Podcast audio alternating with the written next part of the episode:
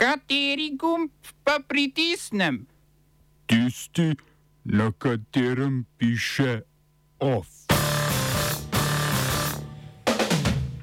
Črnogorski predsednik Milo Djukanovič z odložilnim vetom proti uveljavitvi zakona o predsedniku. V pristanišču Reggio Calabria italijanske oblasti omogočile izkrcanje 89 migrantom, med njimi 40 mladoletnikom. Jedrska elektrarna Krško spet deluje. V kulturnih novicah o zgodovini romske književnosti.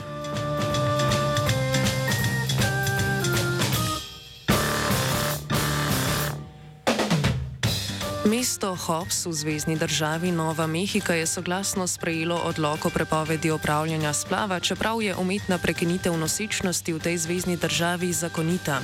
Gre za tako imenovani odloko zatočišču za nerojene, ki preprečuje delovanje klinik za opravljanje splava. Odlok, ki ga je sprejela mestna komisija, je dobil popolno podporo. Komisijo v Hobbsu sicer sestavljajo izključno moški. Hobbs, ki se nahaja blizu meje zvezdna država Teksas, je tako prevzel nekaj nekatere politike reproduktivnih pravic svoje sosede. Teksas je ena prvih zvezdnih držav, ki je po razveljavitvi precedenčnega sodnega primera Roe proti Wade uvedla skoraj popolno prepoved splava.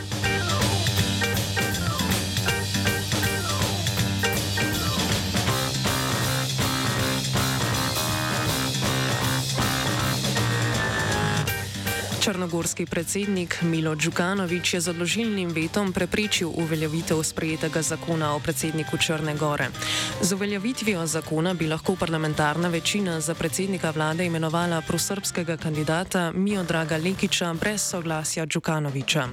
Zakon je bil sicer sprejet na predlog Lekičeve demokratske fronte s podporo demokratov in koalicije trenutnega premijeja Dritana Abazoviča. Djukanovičeva demokratična stranka socialistov, ki je Abazovičeva Janševi vladi odrekla podporo avgusta, ustraja, da je novi zakon ustavno neustrezen.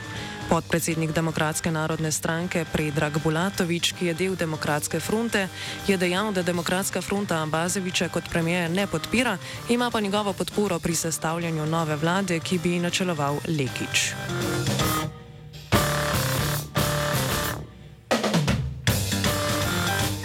V južnoitalijanskem pristanišču Reggio Calabria so oblasti omogočile izkrcanje 89 migrantom z ladje Rise Above. Med njimi je bilo približno 40 mladoletnikov. Na krovih ladij pred pristaniščem sicer na izkrcanje čaka več 100 migrantov.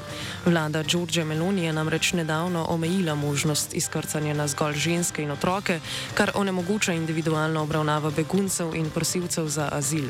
Kolektivna obravnava pa je v nasprotju z mednarodnim pravom. V primeru ladje Raj Zabav so oblasti izkrcanje omogočile vsem, saj je pri reševanju sodelovala italijanska obaljna straža.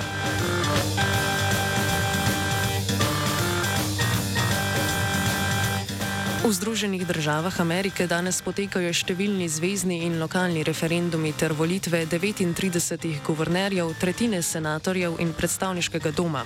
Javnomnenjske raziskave napovedujejo republikansko večino v predstavniškem domu, medtem ko je boj za senat predvsej nepredvidljiv.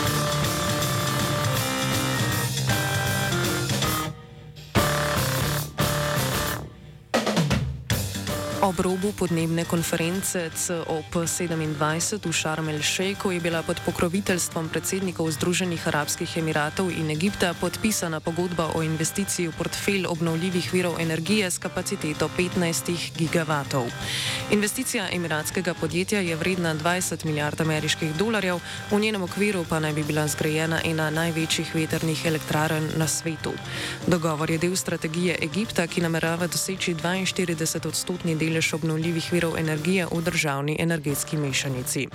S prehodom na vetrno energijo se Egipt nadeja velikih prihrankov zemljskega plina. Prihodnje leto bodo konferenco COP28 gostili Združeni arabski emirati.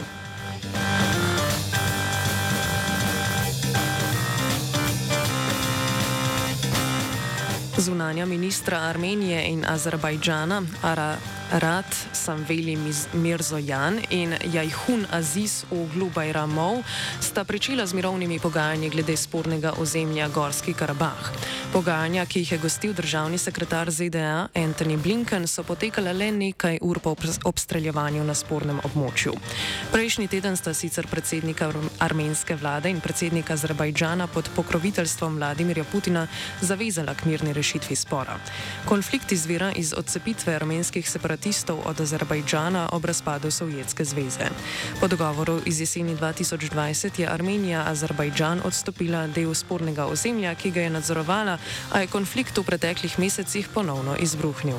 V vojni leta 2020 je zmagal Azerbajdžan. Smo se osamosvojili, nismo se pa osvobodili. Da se naštete še 500 projektov. Izpiljene modele, kako so se strani nekdanje LDS rotirali. Ko to dvoje zmešamo v pravilno zmes, dobimo zgodbo o uspehu. Takemu političnemu razvoju se reče udar.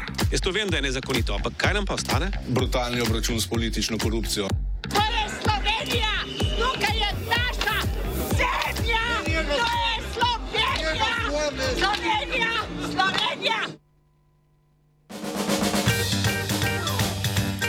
Tomaš Štokal je nastopil mandat generalnega direktorja holdinga Slovenske elektrarne, krajše HSE, za katerega ga je včeraj zvečer imenoval nadzorni svet družbe. Štokal v HSE prihaja z mesta direktorja strateškega upravljanja portfeljev v GNI. Predtem je 15 let deloval v HSE. Po navedbah čl čla časnika Madonna, finance je Štokal zaveznik predsednika vlade Roberta Goluba, za direktorja pa je bil izbran na podlagi osebnega povabila nadzornega sveta. Ob imenovanju je napovedal investicije v obnovljive vire energije, vire fleksibilnosti in razvoj novih storitev. Doslej je HSE vodil Viktor Vračar, ki pa je nedavno nadomestil Madjaša Voduška v vodstvu termoelektrarne Šoštan.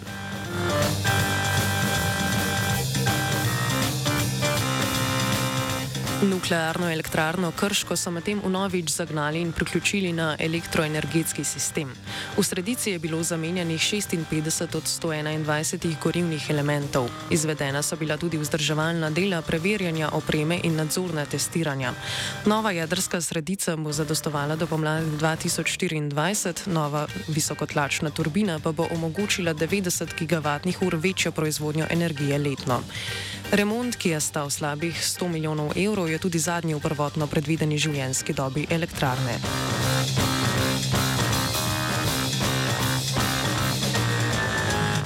Začelo se je predčasno ponovljeno glasovanje o novem vrhovnem poveljniku obramnih sil Republike Slovenije, to je predsedniku republike.